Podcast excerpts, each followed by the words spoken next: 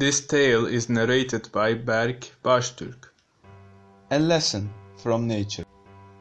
One day, Kid was playing in the garden. He was running after the butterflies, trying to catch them. He was very happy to be among the colorful flowers.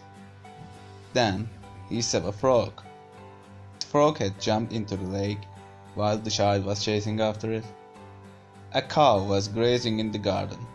Child saw how the cow was chewing the grass. Then a fly came and began to buzz above the cow. The cow has begun to swing its tail to get rid of the fly. Child clapped his hands and laughed the situation too. The child was enjoying nature.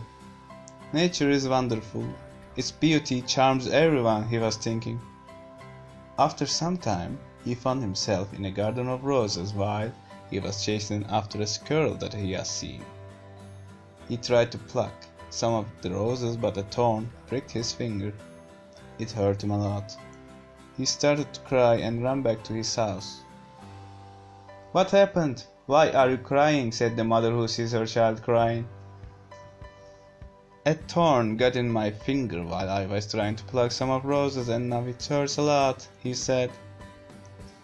It's your fault. You should have not tried to pluck the rose. The rose is beautiful in its branch, not when it's plucked. Besides this, we should never damage natural beauty. We should never intervene in natural processes. On the contrary, we must protect the nature, his mother said. You're right, Mom. From now on, I will do everything you said. I won't harm nature, the boy said. Tell me, my son, what have you learned today? she said. Plant or animal, we must protect all the living creatures. We shouldn't harm them.